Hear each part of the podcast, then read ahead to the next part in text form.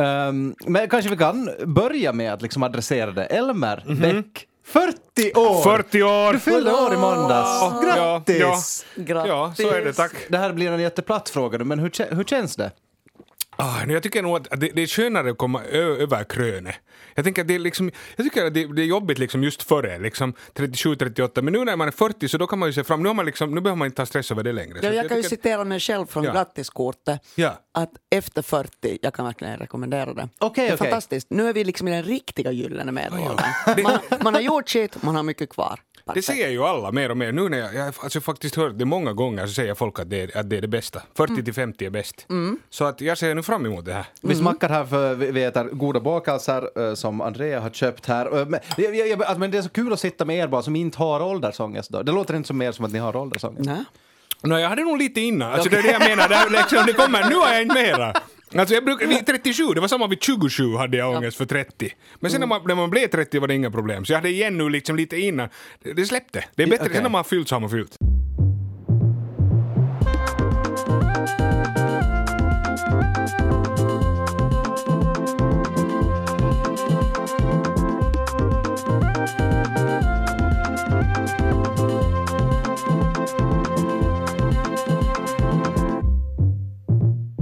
Och välkomna till det här avsnittet av podden Sällskapet, en kulturpodd med samhällsperspektiv. Er ordinarie chef, höll jag på att säga, programledare, Kia Svetihin har förhinder den här veckan, så därför är jag, Jonas Forsbacka, här istället. Men framförallt har jag sällskap av Andrea Reuter och Elmer Bäck. Hallå där! Hej! Vad ska ni prata om idag? Elmer? Jag skulle tala om rytm och puls och hur viktigt det är för oss. Det passar jättebra mitt ämne som är väldigt muntert, döden, döden. som Astrid Lindgren skulle säga. Eller snarare hur vi tar hand om våra döda och begravningar med utgångspunkt från den dödspositiva rörelsen. Dödspositiva rörelsen. Det låter jättebra. Jag ska prata om en av världens kanske just nu mest omtalade och hypade romaner som handlar om hur det är att leva i klimatkrisen. Kommer den här boken jag har läst lyckas bättre än FNs klimatpanel IPCC att få folk att engagera sig och bryr sig om klimatet? Bara med den enkla anledningen att folk inte vill ha fakta. Det man vill ha är en berättelse. För ett par veckor sedan så tog jag min lördagspromenad runt Töleviken här i Helsingfors och svängde upp till Riksdagshuset där klimatrörelsen Elokapina höll på med sin höstaktion. Eh, det skrevs varje dag någonting om Elokapina. Journalist som jag är så tänkte jag att jag måste gå dit och kolla vad de håller på där, hur det ser ut helt enkelt.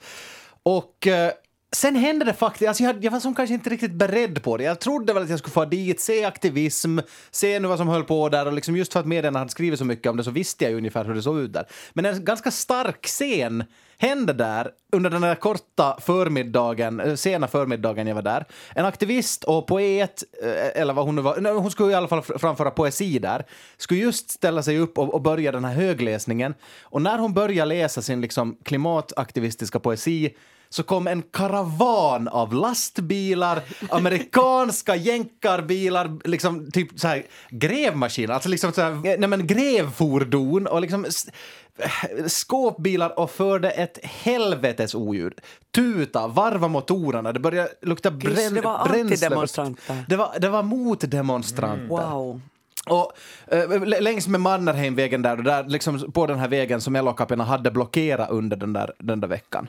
Och eh, en lustig detalj var att Elokapina-aktivisterna hade ett plakat där bredvid si, si, var de satt som var så här att tuta om du håller med. Och, sen, och motdemonstranternas grej var att de skulle tuta för jättemycket oljud. Ja, det var ändå väldigt tydligt vem som tyckte vad dock ska sägas. De här motdemonstranterna så hade banderoller och högtalare och de liksom gjorde gällande att de liksom demonstrerade för rörelsefriheten. Att man, de har rätt att åka på vägen eh, som då de här aktivisterna blockerade. Men det, det som berörde mig så starkt var inte det här att liksom det, det här sammanföll samtidigt, utan poeten fortsatte högläsningen. Så jag, och jag stod ganska nära henne, men jag hörde inte ett enda ord. Jag, jag, jag såg att, hon, att hennes mun rörde på sig.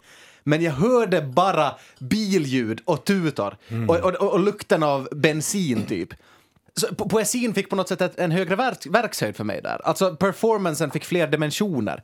Eh, Alltså jag började tänka, är inte precis eller åtminstone nästan det här som är, alltså inte en metafor för samhällsdebatten. För aktivister som liksom påpekar det är åt helvete med klimatet men man hör inte dem för alla bilar som brummar. Men också, mot, alltså också motsatta sidan. Hur marginaliserad, hur lite känner man att ens åsikt hörs när man måste väsnas och tuta och brumma motorer på det där sättet. Alltså det var liksom... eh, Det var sårbart åt alla håll. Jag minns när jag sommaren 2019, alltså sommaren efter de här stora skogsbränderna i Sverige 2018, men samma sommar som Australien brann, så läste jag en omtalad artikel av den amerikanska journalisten David Wallace Wells som har skrivit boken The Uninhabitable Earth.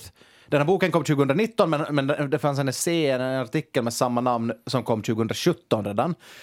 Eh, som ju då betyder den obeboeliga planeten.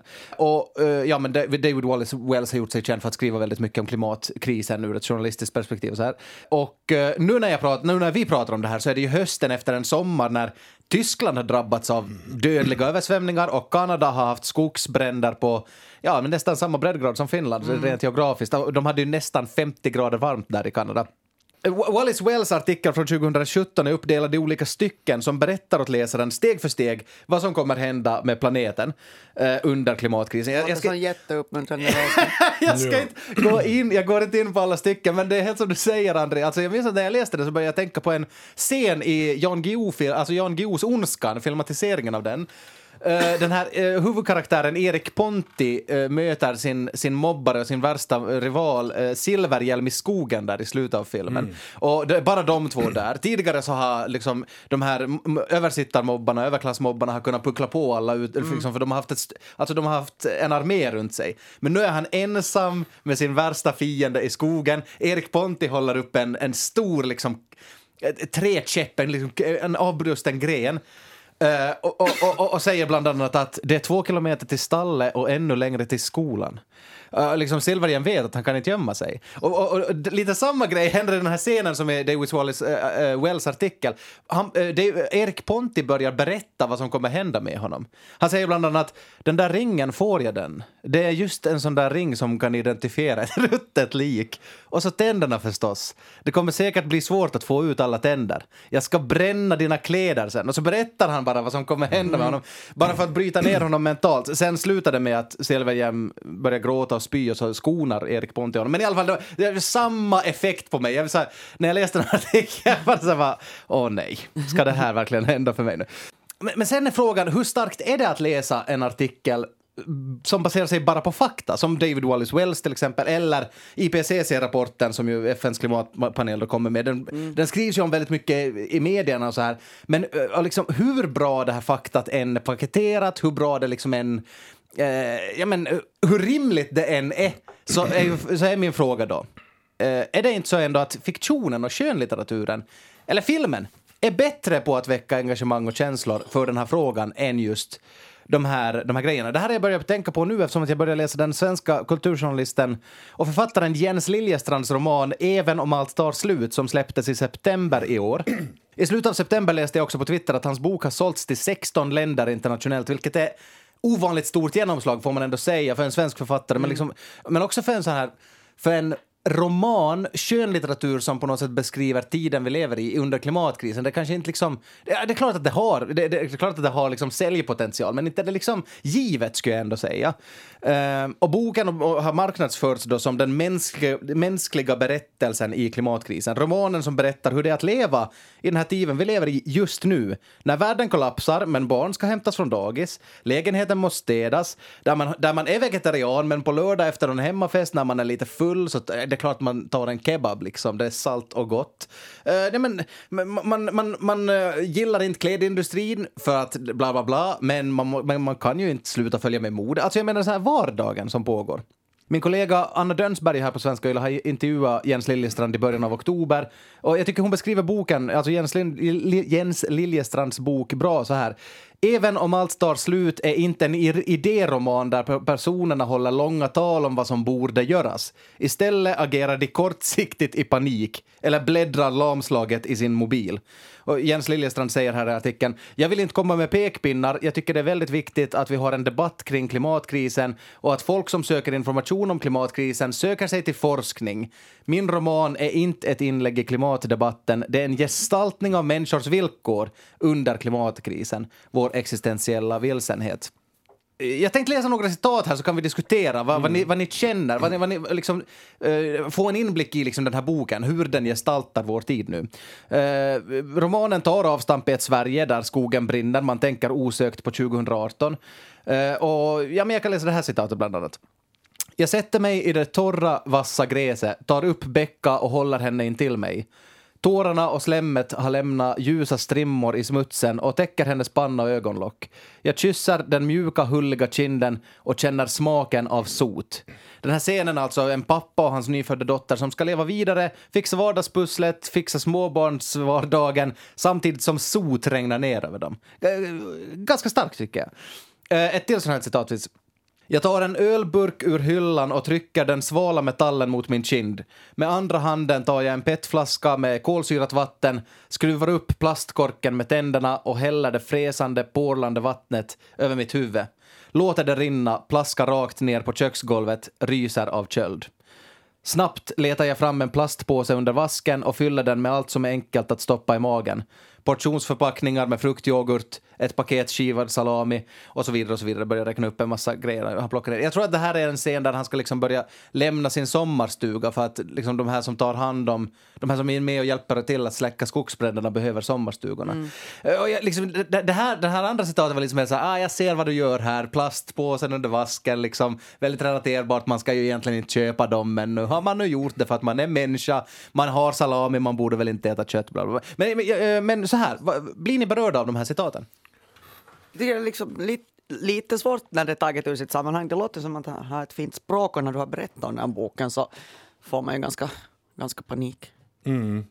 Jag tycker också att man blir berörd, eller hela den här tyngden av allt landar ju på ens axlar tycker jag när man tänker på hela den här grejen. Så att, ja. Men vad, vad tänker ni om min, liksom, min ingång här då? Alltså, den mänskliga berättelsen, är den starkare på att få folk att eh, bli övertygade eller engagerade kring ett ämne som klimatkrisen, men det kan också vara vad som helst. Liksom. Ehm, är, är den bättre än typ en IPCC-rapport eller David Wallace-Wells? Eh?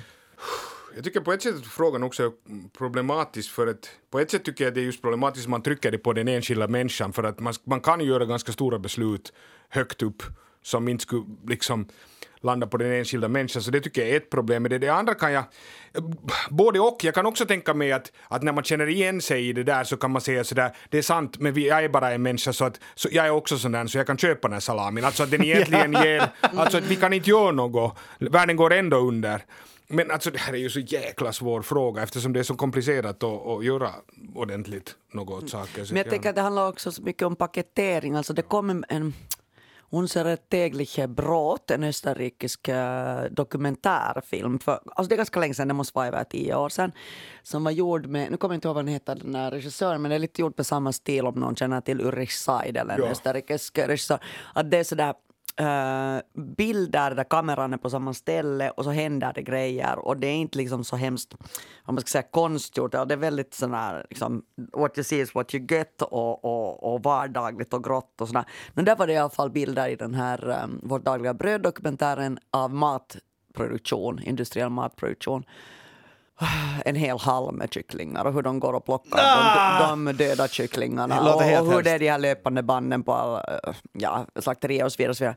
Och, och en kompis till mig blev vegetarian av att se den där dokumentären. Så att, att det han, jag tror nog att, och det var inte ens fiktion men det var liksom en berättelse och det var paketerad på en och en halv timme istället för att läsa någon lång rapport på hundratals sidor. Så det handlar väl om paketering och människans inneboende lust till till berättelser och att det ska vara liksom lättförståeligt.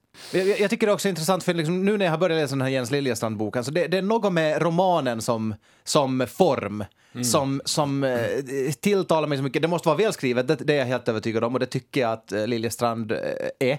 Men, men jag, jag börjar jämföra med jag, jag, liksom, filmer. Det här är ju inte, det är alltså, det, den här boken, även om allt tar slut, har marknadsförts som typ liksom en av få böcker, som en av få romaner som, som tar upp hur det är att leva i klimatkrisen. Men jag menar, eh, det är ju inte liksom som att vi är svältfödda på eh, kultur som behandlar ap- apokalypser liksom, eller kriser. Och jag börjar till exempel tänka på Mad Max, Interstellar, eh, The Day After Tomorrow. Ja. eh, men, men, men jag menar, när jag tittar på Mad Max, inte är det som att jag liksom går till kylskåpet och tänker så här, jag får aldrig mer ha salami här. Liksom, jag, jag blir inte berörd på det sättet, men det kanske det säger mer om mig än vad det säger om film. Liksom, jag funderar så här på att är romanen särskilt bra på att liksom beröra?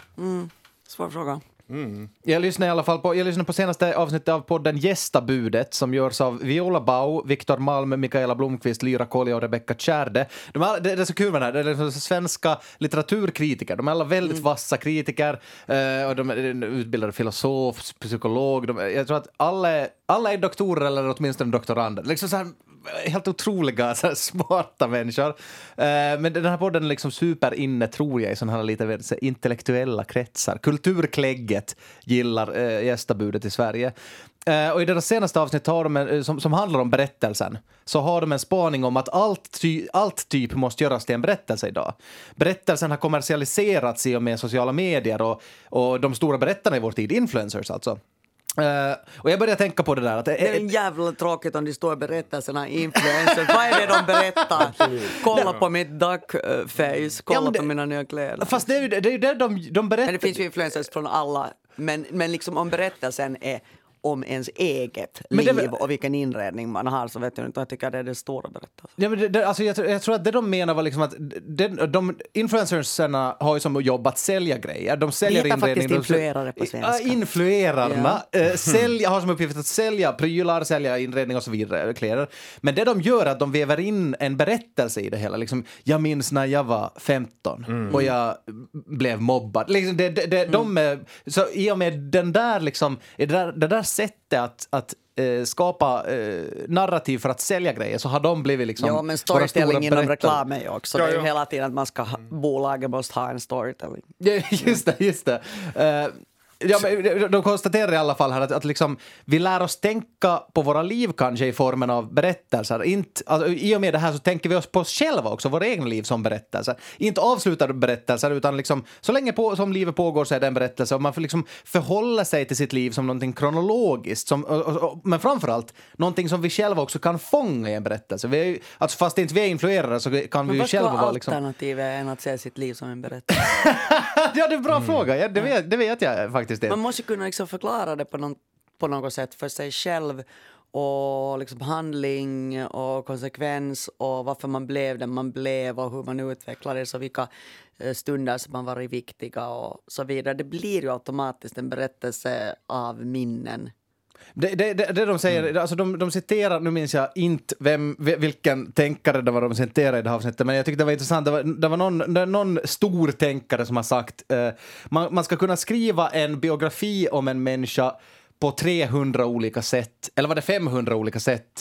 Utan att, någon, utan, att, utan att läsarna som läser samma bok ska veta vem det är. Alltså, jag tror att det är det som de liksom kanske vänder sig lite emot. den här, Liksom, eller det var det som var tankeexperimentet här. Att, eh, vi, vi är så vana nu med att se kändisar sitta i olika morgonsoffor och prata om sin resa. Och, det här är min berättelse, min story. Som att det skulle vara liksom en enda story. Man har ett enda liv, man har en enda berättelse. Medan liksom, eh, om, om man eh, ser det ur ett mer liksom så här konstnärligt perspektiv så, så, ska man, så, så finns det 300 berättelser att berätta. Jag tror också att det är, en, det är en fara och jag tror just att det är bra för att sälja och sen är det bra också att vi är så individualistiska att vi bara tänker på min berättelse för då tror jag också att vi går in mot de som har makten för vi är bara intresserade av vad jag gör, vad jag gör. Jag tycker också att det finns ett sätt som jag blir lite orolig för, för att med klimatkrisen också, alltså det borde finnas ett tryck uppåt. Alltså bara att vi lägger det på min berättelse om jag äter den här salamin eller inte, i slutet så är det inte så stor skillnad fast jag äter den inte. Alltså det är inte det det här hänger på och att vi gör det hela tiden om det.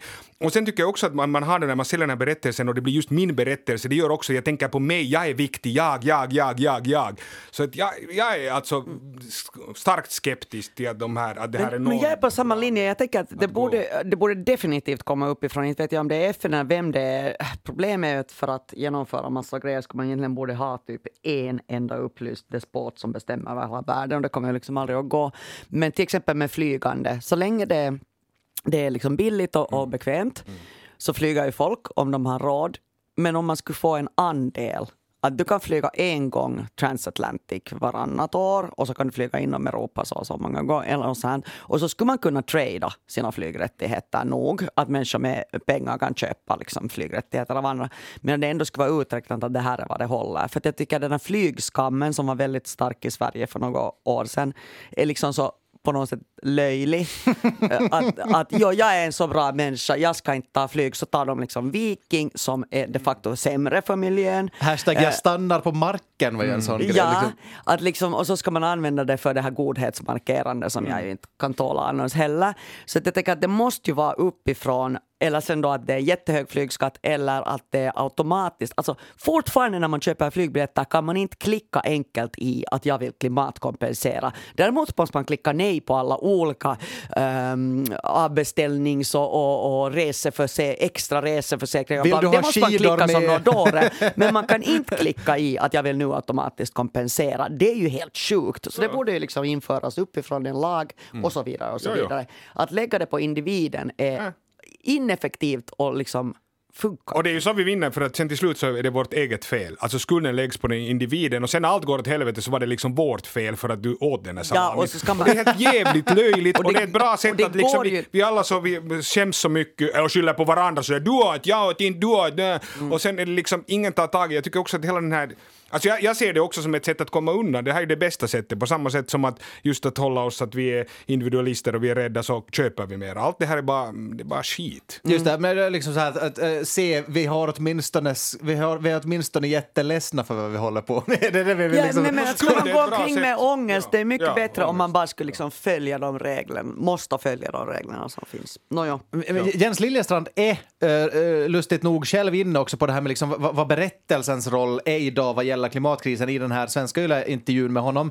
Eh, han säger så här, jag tycker att det är viktigt att kulturen ser den uppgift som finns, att vi lever i klimatkrisens epok i människans historia och då är det viktigt att kulturen tar rollen att gestalta de känslor som finns och sätta ord på de enorma utmaningar och problem som människan står inför utan att försöka trösta människor.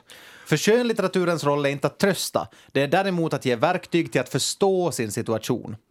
Ja, och sen tycker jag berättelsen är alltid problemet för till slut så blir berättelsen ändå så att det är liksom jag eller vi och så finns det dom, de, liksom. Och man är inne i en berättelse, därför tycker jag att därför är ju Brecht det bästa, liksom. För att han visar alltid att det här är en berättelse, se, du blir inte indoktrinerad. Jag berättar en berättelse och han visar att det är en berättelse. Och problemet är att om du inte förstår att det är en berättelse så tror du på att det är sanningen och då är det, då är det religiöst. Alltså det är samma, nej men det är samma sak. Det. det. är som en religion. Du tror att det vad du tror på, din berättelse är sanning, fast det egentligen bara alltså är fiktion. Det är en, fråga, en sista fråga som infinner mig när jag läser Även om allt tar slut av Jens Liljestrand som alltså är så väldigt hypad just nu. Eh, Det är, alltså, hade det här varit bra litteratur och hade det sålts till en massa länder också om vi inte levde i en klimatkris just nu och också ifall, det liksom, också ifall jag inte kände att hej men vänta jag som vit medelklass känner mig representerad i hans berättelse av att hur, det, hur det är att liksom leva en vardag som pågår samtidigt som krisen. Liksom. Jag vet inte om det är så, men, men liksom, på något sätt, min, min, jag vet inte om det är så, men om det är så att det inte skulle kännas lika bra så tycker jag att det känns liksom lite fattigt. Eller så här. Eh, Jag vet inte, å andra sidan så kommer jag ihåg att de sa just i, i Hollywood var problemet det att man kan göra liksom äh, kaosfilmer och liksom katastroffilmer så länge det inte riktigt är sånt som verkligen håller på att hända. För att folk vill inte bli påminna, det är bättre sådär det kommer någon asteroid, men sen om det verkligen kommer en asteroid då gör vi inte den filmen nu. Och att jag menar Day After Tomorrow gjordes för 20 år sedan, så göra den nu, jag, jag vet inte. Men alltså det finns också den där att det är skönare att läsa sånt som inte så att säga, så kan man ändå vara såhär, oh, det är inte sant.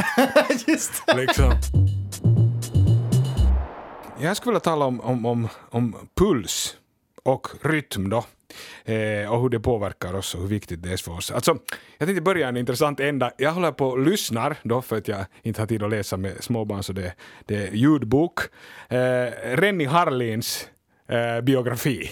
Oh. Alltså jag tycker faktiskt det är ganska... Det är speciellt alltså som ljudbok Man är blir det genast perfekt. sugen. Alltså det är skönt och just det där, det är ju det som är bra med ljudbok, man gör lite annat och man, man hänger ändå med och sådär då. Och tycka vad man vill om Renny Harlin, men alltså nu är det ju imponerande, nu måste jag ändå bara säga big ups till honom nu när får Filmregissör. Filmregissör. Finlands största Hollywoodregissör, liksom enda. Semi-enda. Semi-enda. Eller väl Die enda. Hard, Die Hard typ? Tvåan. Die Hard tvåan, Die Hard två. Long Ja. Good Night, sen uh, Cliffhanger. Cutthroat, uh, ja, Cliffhanger. Ja, Är faktiskt Cutthroat Island. Ja. Ja.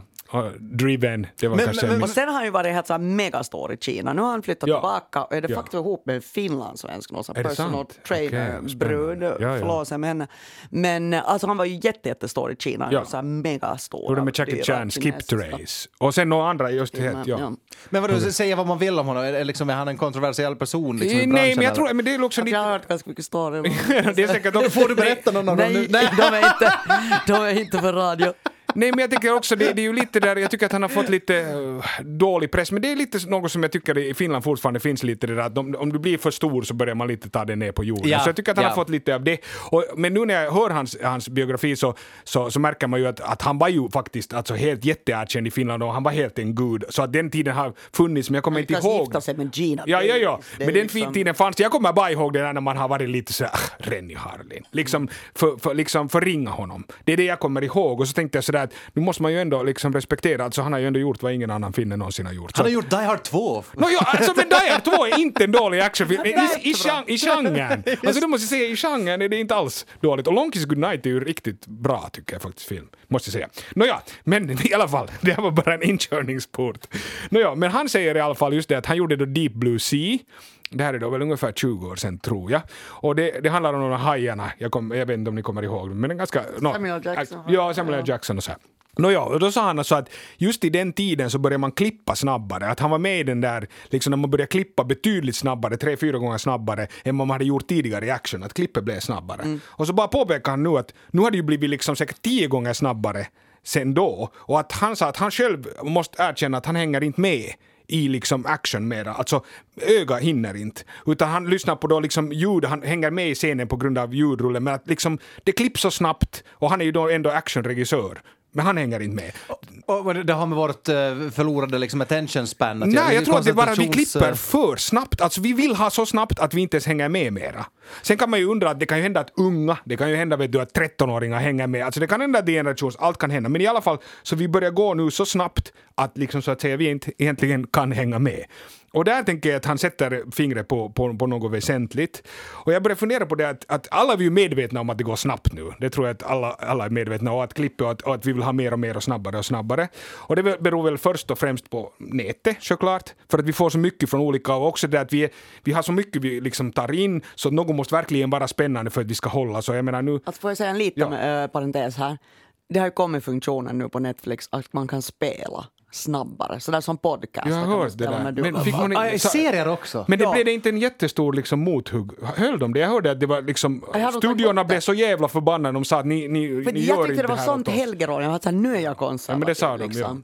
Ja, men, men det förstår jag med er För som att man ska jobbar hinna med liksom. se ett Ja, ja. en timmes avsnitt Ja, på en halvtimme. man Det Du får väl ta dig tid? Jo. Ja, Vet det du hur mycket arbete det ligger men det är så här bakom pärlor åt svin eh, lite. Ja, alltså, det, Men det är helt tyckte galet. Jag helt- tycker också. Men jag jag, jag, men jag trodde att du skulle säga att det här kommer nu att man kan spola den långsammare som någon slags terapi. Nej, för nej. man Exakt, liksom, man vill att det ska se ut som någon John Burman-film eller, eller som att man liksom är 70-talet. hög eller någonting. Men har ni hört de det. här nya serierna? Talar vi om det här i podden? De här, nu för tiden så kollar ju alla på sin telefon samtidigt som de kollar på serien. Så nu finns Ja, det det sådana serier talat som tar in det, ja, att du ska kunna, kunna kolla på din telefon och hänga med. Jo, jo, Nej, jo, jo, Ja, vi ja, för att det ungdomarna tittar inte på, alltså de kan inte titta, de Aj, kan inte titta utan att samtidigt titta på sin liksom telefon. sig. Man kan inte koncentrera fortsätt. Nåja, i alla fall. Och sen tror jag en sak som också kan vara att vi nu mer och mer i hela världen då bor i städer. Jag tänker bara att pulsen är alltid högre i städer överlag. Så att det kan också vara en så- sån sak att vi är koncentrerade till städer vilket blir att den kollektiva pulsen är högre. Men det sagt så börjar jag fundera på det där med städer att det är ju spännande hur snabbt och hur starkt man känner pulsen i en stad. Och då börjar jag tänka liksom på det här till exempel just att Helsingfors har ju en ganska lugn puls. Men sen till andra extremen, liksom Mexico City, som har en alltså extremt hög puls. Och det, det, liksom, det tar två dagar när man kommer till Mexico City för att komma in i den pulsen, för man är liksom off, vet ni. Alltså man, det är liksom som man skulle gå in i alla stolar och väggar menar, för att du kommer in i det. Mm. Jag tänker också Paris har hög puls, men så finns det ju stora städer som inte har. Berlin som är ganska soft, Mm. liksom, fast det är en stor stad. Det tror jag också varför finnar vill flytta till liksom Berlin, inte till Paris eller London. Mm. För att det är närmare. Jag tror att man har ändå en, en puls som finns. No, i alla fall. Men ja, det har blivit nu snabbare puls överallt. Och, och det, det hör man ju jättetydligt. Alltså, det är jätteroligt för att min son, då, tvååriga son, snart två, äh, gillar rytm och, och sådär. Och då ville jag spela honom något så som jag tänkte, så okej, vad är bra tempo sådär? Så tar jag fram Eminem, Lose Yourself, som jag kommer ihåg, så här, högt Ja. tempo. Så Da, da, Ja, ja, och så lyssnar jag på det, alltså det är så lågt tempo. Alltså det är helt vansinnigt, sätt på den hemma, det är verkligen låter så och det här var liksom ansikte utåt. Vad är det? Liksom Och jag, jag fick ingenting, jag var såhär, hur kan det här? För jag kommer ihåg det sådär, att det var liksom hårt. Och sen har ju Eminem själv då kanske blivit medveten, för jag hörde honom just fita på någon, var han rappar snabbare, alltså det är så snabbt att jag inte vet om det är sant, men alltså Eminem har då visat verkligen att han kan rappa snabbt, så kanske han också blev medveten om det i alla fall. Men jag tror alltså att problemet är att vi börjar nå någon slags bristningsgräns. Alltså för jag tror inte att vi vi kan alltså så att säga inte bli så mycket snabbare mera. Till exempel i klipp då. Det går inte eftersom vi då helt enkelt inte är förmögna att hänga med om vi redan nu är vad vi håller på att falla av. Och då blir ju frågan att vad ska, vad ska man göra åt det då? Och då är ju slow TV, har vi hört, det är ju ett mothugg, det är ju en liksom liksom extremfall. Och jag börjar tänka att det är ju det att man kan ju inte börja successivt till exempel bli långsammare. Det går ju. Alltså, du, du skulle inte kunna klippa en serie lite långsammare. Vi kan ju så att säga inte gå långsamt tillbaka.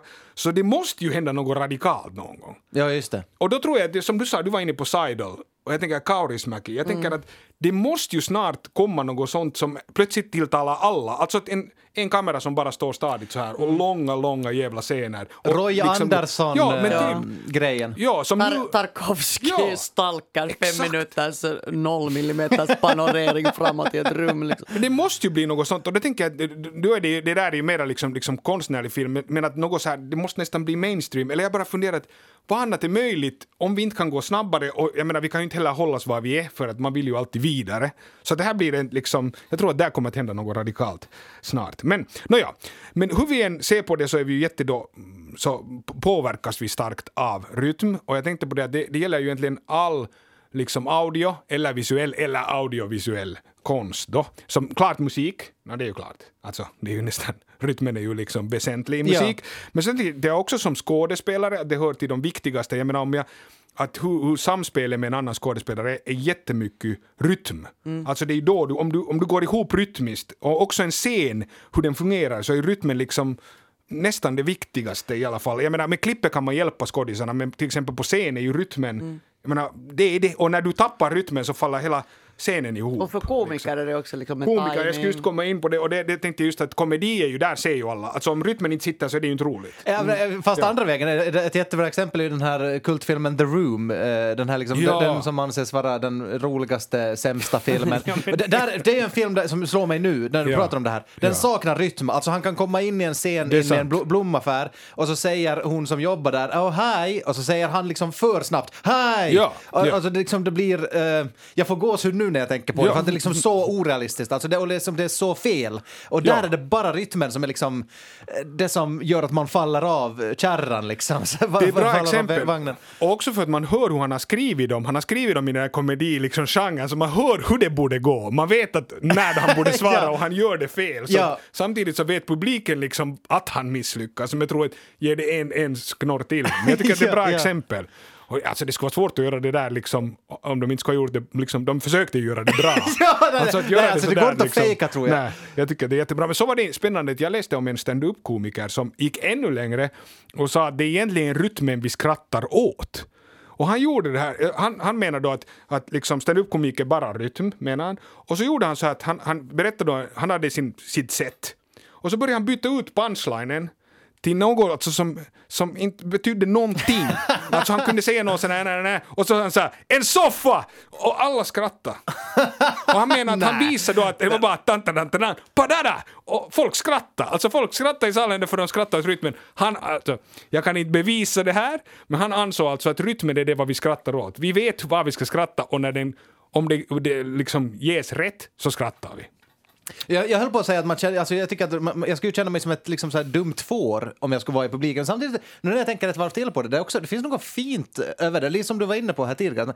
Som att vi delar den här rytmen, alltså det är Ja. liksom ett gemensamt språk också. Det, det finns ju något poetiskt i det också. Ja. Samtidigt som liksom, ja, men det, att man skrattar åt någonting som är helt nonsens, det känns ju lite dumt bara. Det känns ju, och jag vet inte, det är ju extremt, jag, jag kan ju inte bevisa att det här är sant, men jag tycker att det var en spännande grej för att, ja, i alla fall kan vi förstå att om han, om han gör den här punchlinen och det är inte rytmiskt bra så är det inte roligt. Men här menar då jag att, att det är egentligen rytmen nej, som är viktigare än själva Men jag innehållet. tänkte på när du talade om det där med får, alltså det som är en så fantastisk upplevelse är ju att vara på ett dansgolv där alla är i samma rytm så att det blir någon slags trans av det. Och jag, jag tycker ju då att man kan bara uppleva det här med, med elektronisk musik.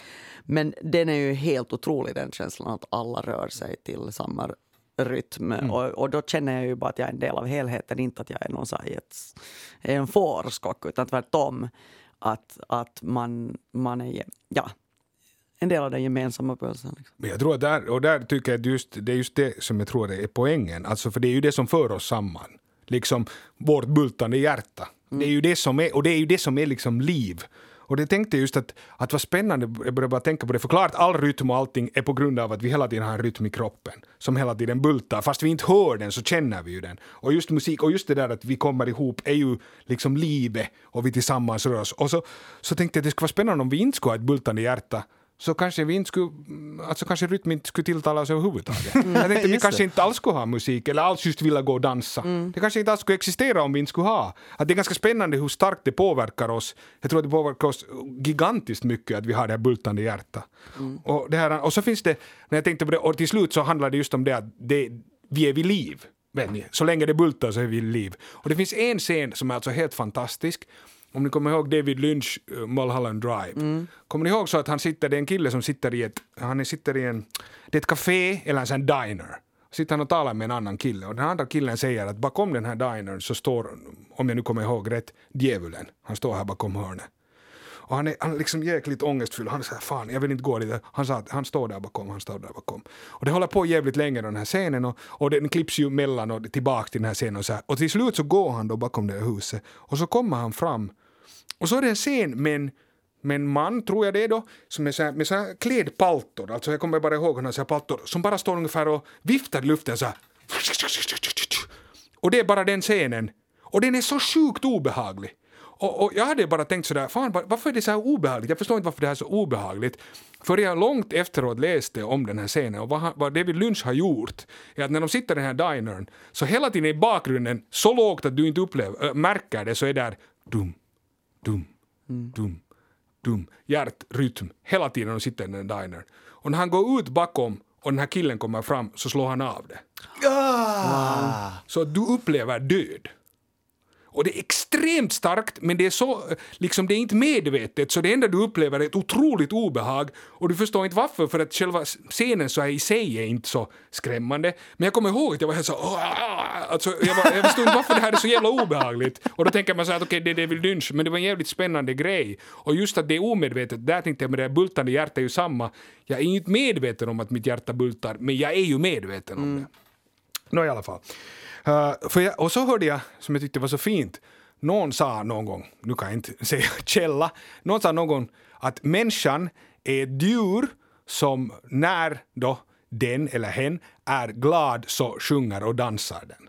Liksom, och jag tyckte det var underbart att se det från den sidan att det är ett djur som gör så när den är glad. Och jag funderar på det, jag tror att vi alla känner igen det. Alltså, när man har en riktigt bra dag så kanske man inte sjunger men man nynnar ju. Och man tar ju några sådana små steg. Ja, ja, ja. Liksom. Och det är jävligt spännande, det tror jag vi alla gör när vi är glada. Och då tänkte jag att det är ju helt klart då att, att vi på något sätt därför liksom söker oss till rytm, för vi vet ju att, att liksom när vi så att säga är nära rytmen så är vi egentligen lyckliga.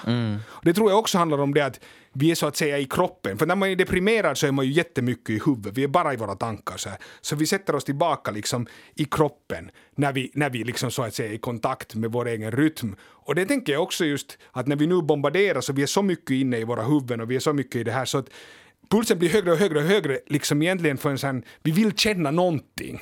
Mm. Alltså vi har, vi har kommit så långt ifrån vårt, oss själva så vi känner någonting och det gör att vi liksom liksom maximerar extremt den där för att det ska kännas någonting och det kändes fortfarande inte överhuvudtaget egentligen någonting. Men, vi, vi, vi, vi behöver alla Slave gå to the runt... rhythm. Vi, Slave to the vi rhythm. behöver alla gå runt hörnet och möta den mannen som viftar med armarna. Det är det vi behöver allihop. No, det kommer vi ju alla att göra till slut. Mörkt! Och det för oss osökt till mitt ämne. Okej, jag vill då tala om när det slutgiltiga när det inte finns någon puls, döden. Ja. Ehm, jag har tänkt en del på döden. Eh, en av mina bästa vänners uh, mammor dog alldeles nyligen och snart kommer det att vara begravning och så har jag en annan av mina bästa vänner som har som länge har varit intresserad av eh, begravningsbranschen och att erbjuda alternativa icke-kyrkliga begravningar. Så fick jag låna en bok av henne som heter Smoke Gets In Your Eyes and Other Stories from the Crematorium som är skriven av Caitlin Doughty. Och den här Caitlin började som 23-åring, jobba på en begravningsbyrå och ja, krematorium i, i Kalifornien. Och boken handlar om hennes egna erfarenheter, alltså det är ingenting för kräsmagare för hon berättar jätte så här detaljerat vad de gör allt i det här, um, begravnings, på den här begravningsbyrån. Och så är det också hennes tankar kring liksom hur vi ser på döda kroppar i vår kultur och, och hon är också grundare till den dödspositiva rörelsen. Och mer, mer om det alldeles strax. Okej, okej. Spännande. Men jag tänkte bara börja med att fråga er att tycker ni att det är obehagligt att tala om döden och fundera på så här praktikaliteter kring döden? Jag, jag har tack och lov aldrig behövt vara den liksom som är så nära anhörig att det är jag som tar hand om det där praktiska. För, men jag har tänkt på det, liksom så här, att, att det, det måste vara konstigt. Det måste vara konstigt det där när man liksom är, man är jätte liksom djup sorg, eller man kanske inte ens har hunnit börja sorgen, det är kanske det som är grejen. Men, men så, och så ska man liksom börja ta, så fundera på, men vad, vad ska vi ha, smörgåstårta eller vad ska vi ha för liksom tre sorters kakor? Och vad liksom, eh, det, är konstig, det är en konstig situation, men eh, ja. Ja, inte vet jag heller. Eh, Jag har inte liksom heller hamnat direkt i... Jag tycker det, det det beror på helt på... Jag har olika dagar hur jag ser på döden och det beror på liksom i vilken, vilken sinnestillstånd jag är. Om jag tycker att det är jobbigt eller inte. Ja. Mm. Och det, det är spännande för att, att hennes ingång är ju då att, eh, eller den här dödspositiva rörelsens ingång är att en dödspositiv person tycker då att döden inte är morbid eller tabu och att eh, man ska kunna prata öppet om döden och, och ha liksom ärliga konversationer kring döden och att dö och att det är liksom en eh, en fundament i en, en, ett hälsosamt samhälle. Så här. Eh, och, och hennes inställning, eller hennes um, bok handlar mycket om hur det är i USA och, och, och där är det ju kutym att balsamera för att man ska ha den här öppna kistan på begravningen. Jag har alltid tyckt att det är liksom konstigt och jag antar att det är väldigt många som då har sett Six Feet Under. Det var ju en stor del av lockelsen i den serien och det handlar om en, en familj som hade en begravningsbyrå och de här ritualerna kring det där. Och, och balsamering är ju en jättegammal grej från äh, forna Egypten och antika äh, Rom och sådär. Men i USA så slog det plötsligt igenom under amerikanska inbördeskriget som ju då var på 1860-talet. Äh, eh, därför för att folk vill ha hem kroppen av den döda. Men att uh, skeppa det, eller alltså föra den till helt andra sidan av USA med något tåg. Så det tar ju jättelänge. Och en kropp börjar ju ganska snart då, och, och, och liksom bryta ner sig själv efter att, efter att folk har dött. Så då var det såna typer som redan på slagfälten började liksom spruta in kemikalier och allt sånt här. Och så har det gått vidare och så var det på 50-60-talet faktiskt en jättestor lobbning från äh, begravningsbranschen att det här är det hygieniska och bra sättet att göra det. Därför för de kan också ta jättemycket betalt för det. Och det har spridits en sån här um, myt kring att döda kroppar är på något sätt farliga. Men det är de inte alls. Alltså de bakterierna som börjar äta upp kroppen är inte något som kan liksom smitta till några levande människor. Så där, så det, det går alldeles utmärkt att man skulle kunna ta hand om en, en död kropp hemma i hemmet som det har gjorts genom alla tider och tvätta den och likvaka och allt sånt här. Um, och, och det har vi ju liksom inte i Finland egentligen. jag tänkte Eh, säga, känns lite främmande. men det känns väldigt främmande här. Eh, och jag tittar faktiskt på lite statistik. Alltså, eh, 2017 så blev kremering vanligare än begravning i Finland och förra året var det 56 procent Ja, som inte. valde kremering framför, framför begravning. Okej. Och, och det som jag tycker är, är spännande är liksom, vad ska man göra med den döda kroppen. För min inställning är i alla fall att okej, okay, från jord är du kommen, till jord ska du åter bli. Men det blir du inte om du är balsamerad i en jätte uh, robust kista. Och nu då finns det en, en movement kring så ekologiska begravningar. Man kan göra en green burial och, och då man lägger helt enkelt kroppen i ett hål i marken och det är liksom insvept i något ekologiskt tyg. Uh, och, och, i förra året var det i Nederländerna den första begravningen i en så kallad levande kista. Och det är alltså en kista gjord av svampmycel. Förlåt, det här känns så Nederländerna. ja, men alltså det är ju back to the roots. Men det är ju inte liksom otippat att det, det, är just Nederländerna ja, som gör det här. Men de är ju alltid väldigt um, liberala med allt från, från um, ja, vad man får göra med sin egen kropp i alla dess former, om man vill sälja den eller sätta knark i den eller vad som helst. Uh, men jag tycker på något sätt att det finns något jättefint i det här. Att återgå till naturen och typ bli ett träd.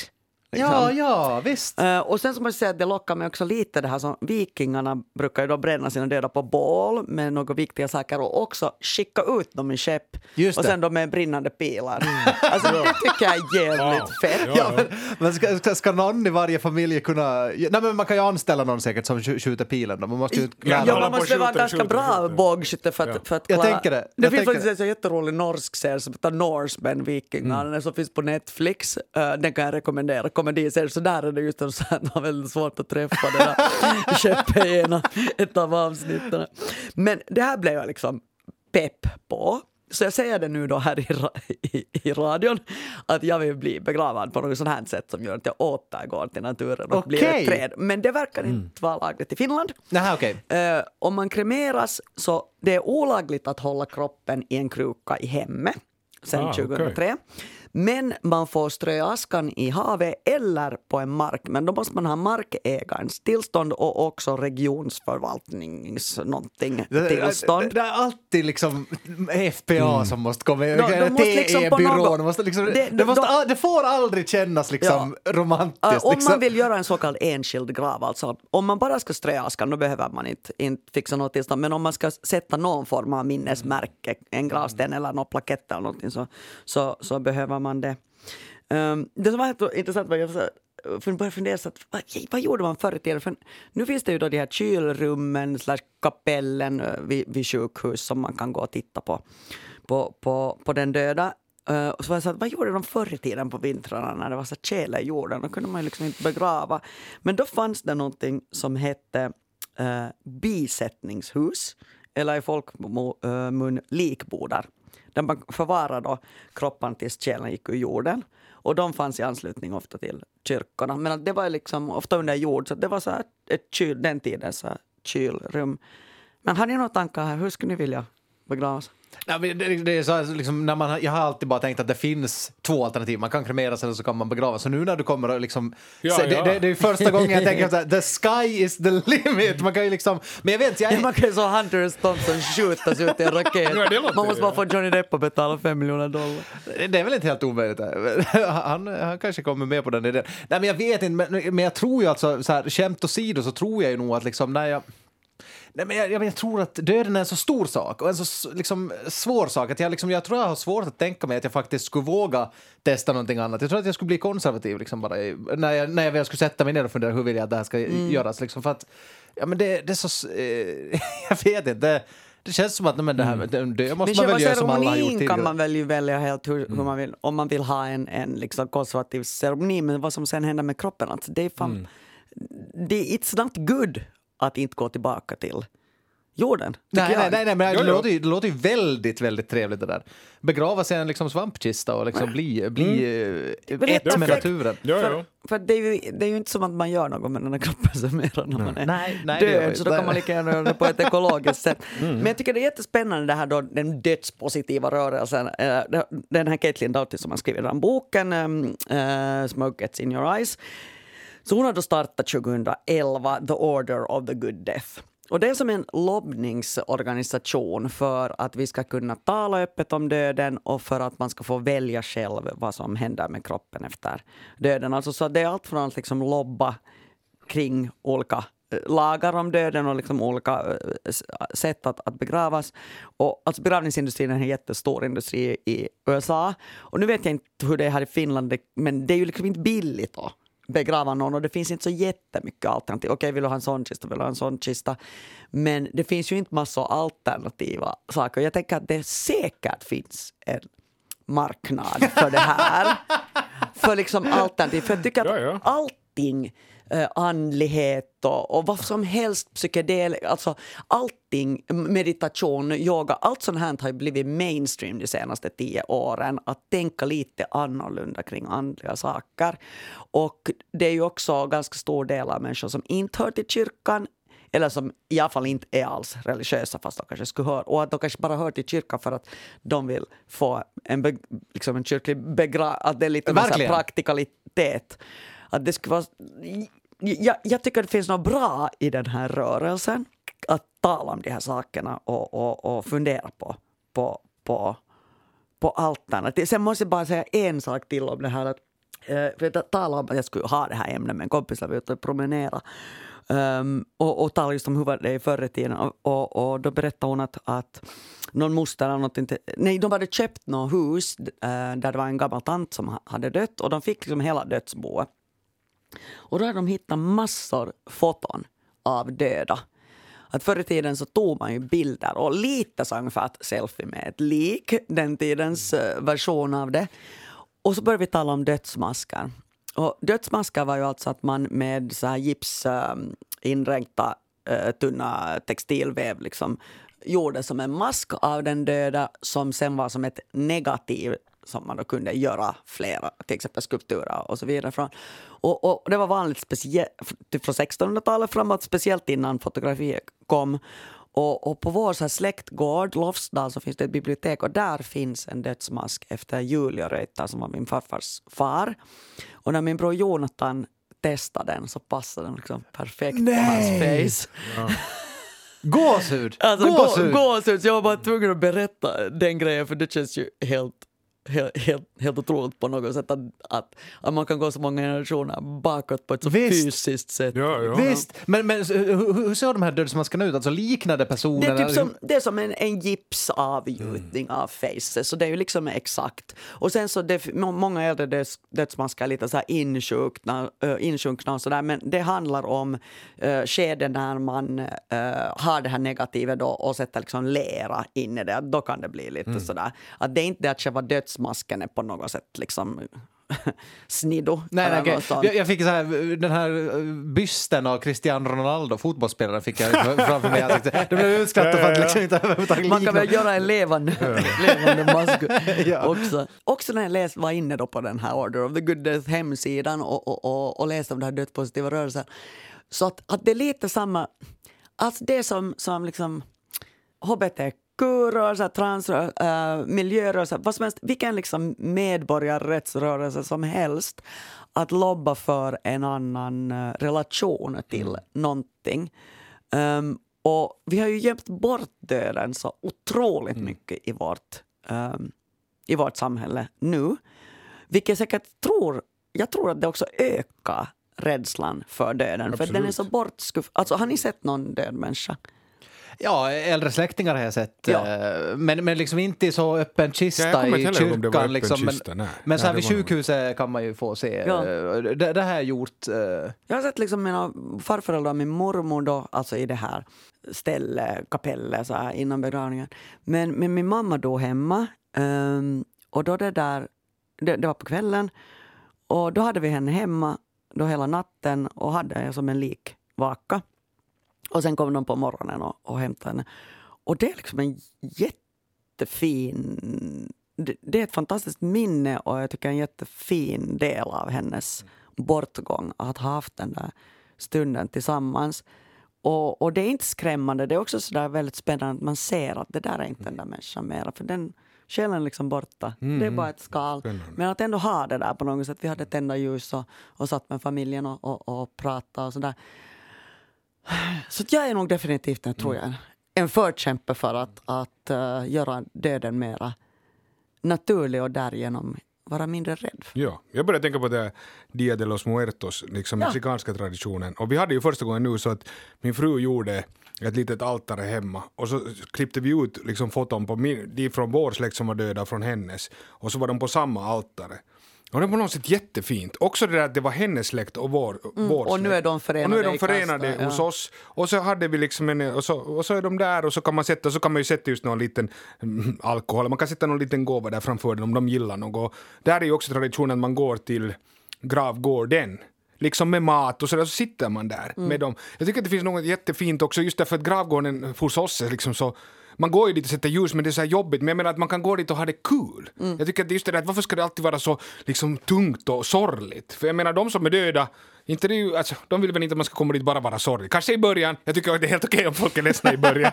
Men sen så tycker jag det ska vara kul om folk ska komma Det är bra tanke att du går in på en begravning och varför fan är du så jag måste ledsen? jag måste säga- lite. Jag måste säga på nytt att den dödspositiva rörelsen handlar ju noll om att man inte ska vara ledsen Nej, när nej, just det. människor dör. bra. nej, nej. Det är ju en bra, Ja, nej, nej, men det är nej. väl en bra poäng. Eller bli glad över att människor dör, utan det handlar om att naturalisera förhållandet. Men det finns något, och där tycker jag lite det är samma som du sa med den dödsmasken, det, det är någonting där just det att de är ju här med oss. Och det var, det var liksom på något sätt kände man det när de, när de var där och det var något härligt på det sättet, för det gör vi ju inte i vår kultur. Och just att man hade de där små bilderna och de var tillsammans där på det altaret så var de med oss i det där rummet och så var de där en vecka och så liksom.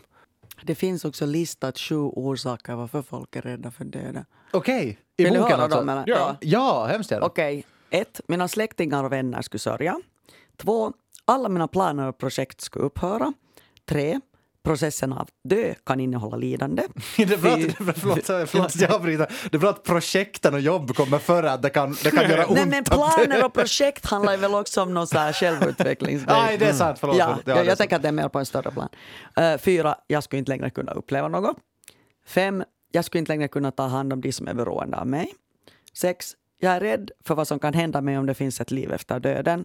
Sju, jag är rädd för vad som kan hända mig om det inte finns ett liv Mm. Döden. ja, ja, visst. visst. Men det, är ju, det tänker jag ändå, jag är ganska övertygad om att, att så farligt så kommer det ju ändå inte att vara. Jag tror att det, det finns ingen möjlighet att när man dör att det på något sätt i den stunden skulle vara så jobbigt eller efter det. Det Alltså, tror jag är omöjligt därför man är ingenting död. i livet. Ja, man är ju död. Så då försvinner ju alla de där grejerna. Men jag kan nog förstå det, alltså det tänker jag också nog att en rädsla just om man har små barn, alltså det, den, är, den är jobbig. Alltså att man skulle dö och lämna. Det, Ja. det tycker jag faktiskt är på riktigt jobbigt för att Ja. Mm. då handlar det inte om mig. Det- Den, den kan jag förstå. Liksom. Men annars just sådär, jag menar, jag tror inte att jag bryr mig om, om hur många filmer jag gjorde när jag är död. Jag tror inte. Eller kanske det man inte bryr sig när man Värst av allt, jag kommer inte hinna ha den där pre- presentationen nästa vecka inför, mina, inför huvudkontoret. Exakt, jag ju present- jag planerat hur länge som helst. Kan jag få lite tid tillbaka? Får jag gå? Okej, tack. Fint att det finns liv efter döden, men ska jag få gå? Jag har en presentation. Jag Jag, kommer en, helt snart. en, några mejl jag Jag måste kommer helt snart tillbaks. Du som lyssnar på den här kulturpodden med samhällsperspektiv vet väl att du kan tipsa om den åt alla, åt alla dina vänner som du kan tänka dig att är intresserade av vårt innehåll. Det blir vi jätteglada för. Eh, vi växer ju hela tiden, men vi vill, vi vill växa ännu mer och ta över hela världen. Så, så tipsa dina vänner om den här podden helt enkelt. Tack till Elmer, tack till Andrea för sällskapet den här veckan. Eh, du som lyssnar kan ju höra av dig ifall du vill. Sällskapet at yle.fi är vår adress. Eh, vi- Vi har ju den här referenslistan på arenan, så, så kolla där ifall du eh, blev intresserad av något det vi pratar om. Nästa vecka är Kia tillbaka, tack och lov, med Ellen och Biffen. Ni hörs, hej då! Hej då! Hej!